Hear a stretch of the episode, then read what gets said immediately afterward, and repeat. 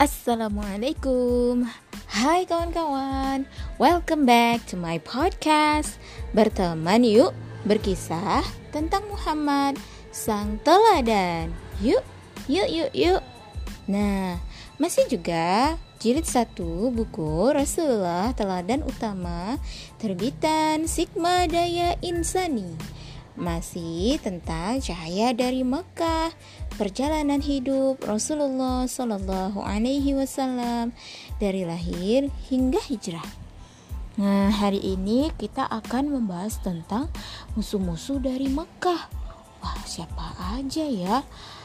Semalam kan kita sudah uh, bahas tentang siapa-siapa saja pengikut Nabi Muhammad yang agama Islam ya. Oke, hari ini kita akan ngebacain tentang musuh-musuh dari Mekah. Yuk, kita simak.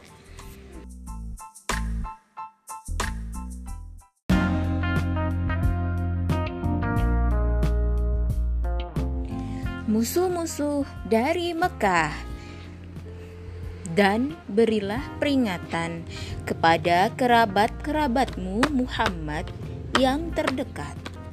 Quran Surat Asy-Syu'ara ayat 214 Ayat itu diterima Rasulullah Shallallahu Alaihi Wasallam. Turunlah sudah titah Allah Subhanahu Wa Taala untuk berdakwah secara terang-terangan. Segera Rasulullah Shallallahu Alaihi Wasallam mengumpulkan sanak keluarganya dari Bani Hashim dan Bani Muthalib bin Abdi Manaf di rumahnya. Berkumpullah 45 orang laki-laki. Paman Rasulullah Shallallahu Alaihi Wasallam yang bernama Abu Lahab berkata, Ketahuilah, kerabatmu tidak mempunyai kekuatan untuk menghadapi seluruh bangsa Arab. Aku berhak mencegahmu Cukup bagimu perlindungan dari keluarga ayahmu. Jika kamu tetap berbuat seperti itu, mereka akan menyerangmu dan pasti akan dibantu oleh seluruh orang Arab. Sungguh, aku tidak pernah melihat seseorang datang membawa sesuatu yang lebih buruk darimu. Saya. Saat itu, Rasulullah Shallallahu Alaihi Wasallam hanya diam hingga pertemuan usai. Beliau hanya mendengar dan melihat sikap keluarganya. Tidak lama kemudian, beliau mengumpulkan mereka lagi. Kali ini, beliau berusaha menyampaikan dakwah Islam. Seorang utusan tidak akan membohongi keluarganya Demi Allah yang tidak ada ilah kecuali Dia, aku adalah Rasulullah, khususnya pada kalian dan seluruh manusia. Mulai terdengar gumam dan bisikan. Abu Talib menyahut cepat. Dengan senang hati kami akan membantumu. Kami menerima nasihatmu. Kami pun mempercayai kata-katamu. Mereka yang berkumpul ini adalah keluarga ayahmu. Aku hanyalah salah seorang dari mereka. Hanya saja aku adalah orang yang paling cepat menyambut keinginanmu. Jelaskan terus apa yang diperintahkan kepadamu. Demi Allah, aku akan selalu melindungimu. Namun, aku tidak dapat meninggalkan agama Abdul Muthalib. Demi Allah, itu sikap yang sangat buruk. Cegahlah dia sebelum orang lain berbuat terhadap kalian. Sergah Abu Lahab. Demi Allah, dia akan kami bela selama kami masih hidup. Tegas Abu Talib. Rasulullah Shallallahu Alaihi Wasallam mulai berdakwah kepada banyak orang. Suatu hari, beliau berdiri di Bukit Sofa. Beliau berseru memanggil semua kabilah. Hai Bani Adi, Bani Fir, hingga banyak orang berkumpul di sana. Seandainya aku katakan bahwa di lembah sana ada pasukan berkuda yang hendak menyerang, apa kalian percaya? Tanya Rasulullah Sallallahu Alaihi Wasallam. Ya, seru mereka. Kami tidak pernah mendapatimu berdusta. Sungguh, aku adalah seorang pemberi peringatan kepada kalian dari siksa yang pedih. Ujar Rasulullah Sallallahu Alaihi Wasallam.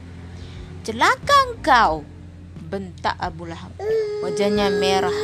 Hanya untuk ini engkau mengumpulkan kami benci dan permusuhan kepada Islam dan Rasulullah Shallallahu Alaihi Wasallam semakin menjadi orang-orang makin berani menghina dan menghalangi Rasulullah Shallallahu Alaihi Wasallam. Mereka juga berani menyakiti kaum Muslim. Mekah terasa makin panas karena permusuhan dan kemarahan. Beberapa kali rumah Rasulullah Shallallahu Alaihi Wasallam dilempari kotoran. Bahkan saat beliau sholat, punggung dan tempat sujudnya diberi kotoran. Para penghalang dakwah Rasulullah Shallallahu Alaihi Wasallam adalah Abu Lahab dan istrinya yang bernama Ummu Jamil.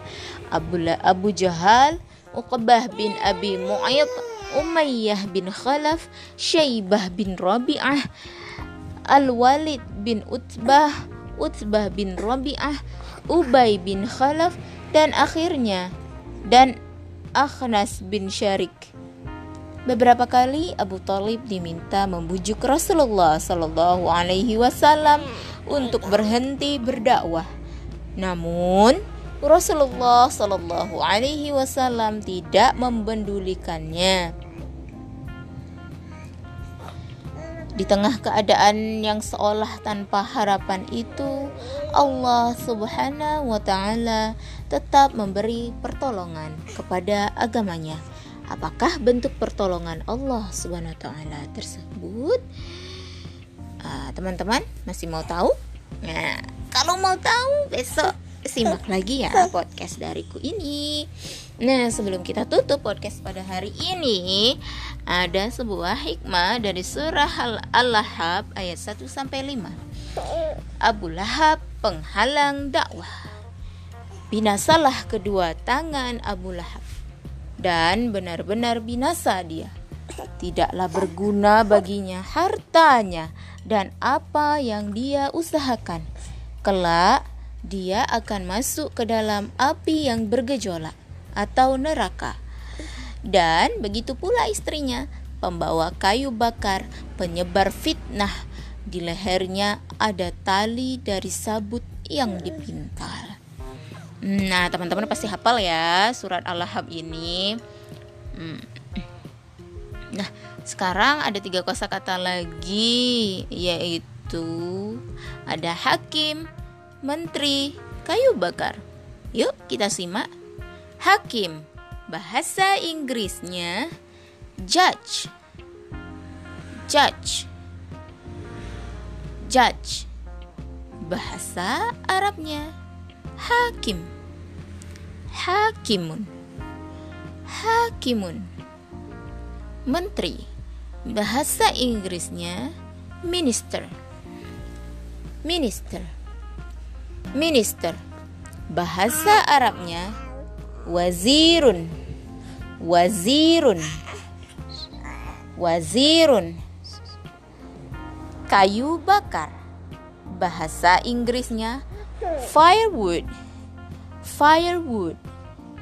Firewood.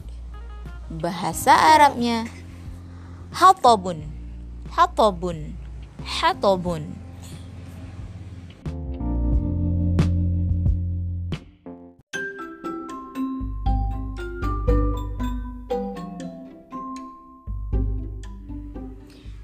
Baiklah teman-teman, demikianlah berkisah hari ini. Semoga ada manfaat yang bisa diambil dari kisah tadi ya. Mohon maaf bila dalam penyampaian masih kurang berkenan. Harap maklum mesin newbie alias anak baru. Terima kasih sudah mau mendengar berkisah episode 16 Ramadan kali ini. Sampai jumpa di berkisah selanjutnya. Wassalamualaikum warahmatullahi wabarakatuh. Bye bye. Berteman yuk berkisah tentang Muhammad sang teladan.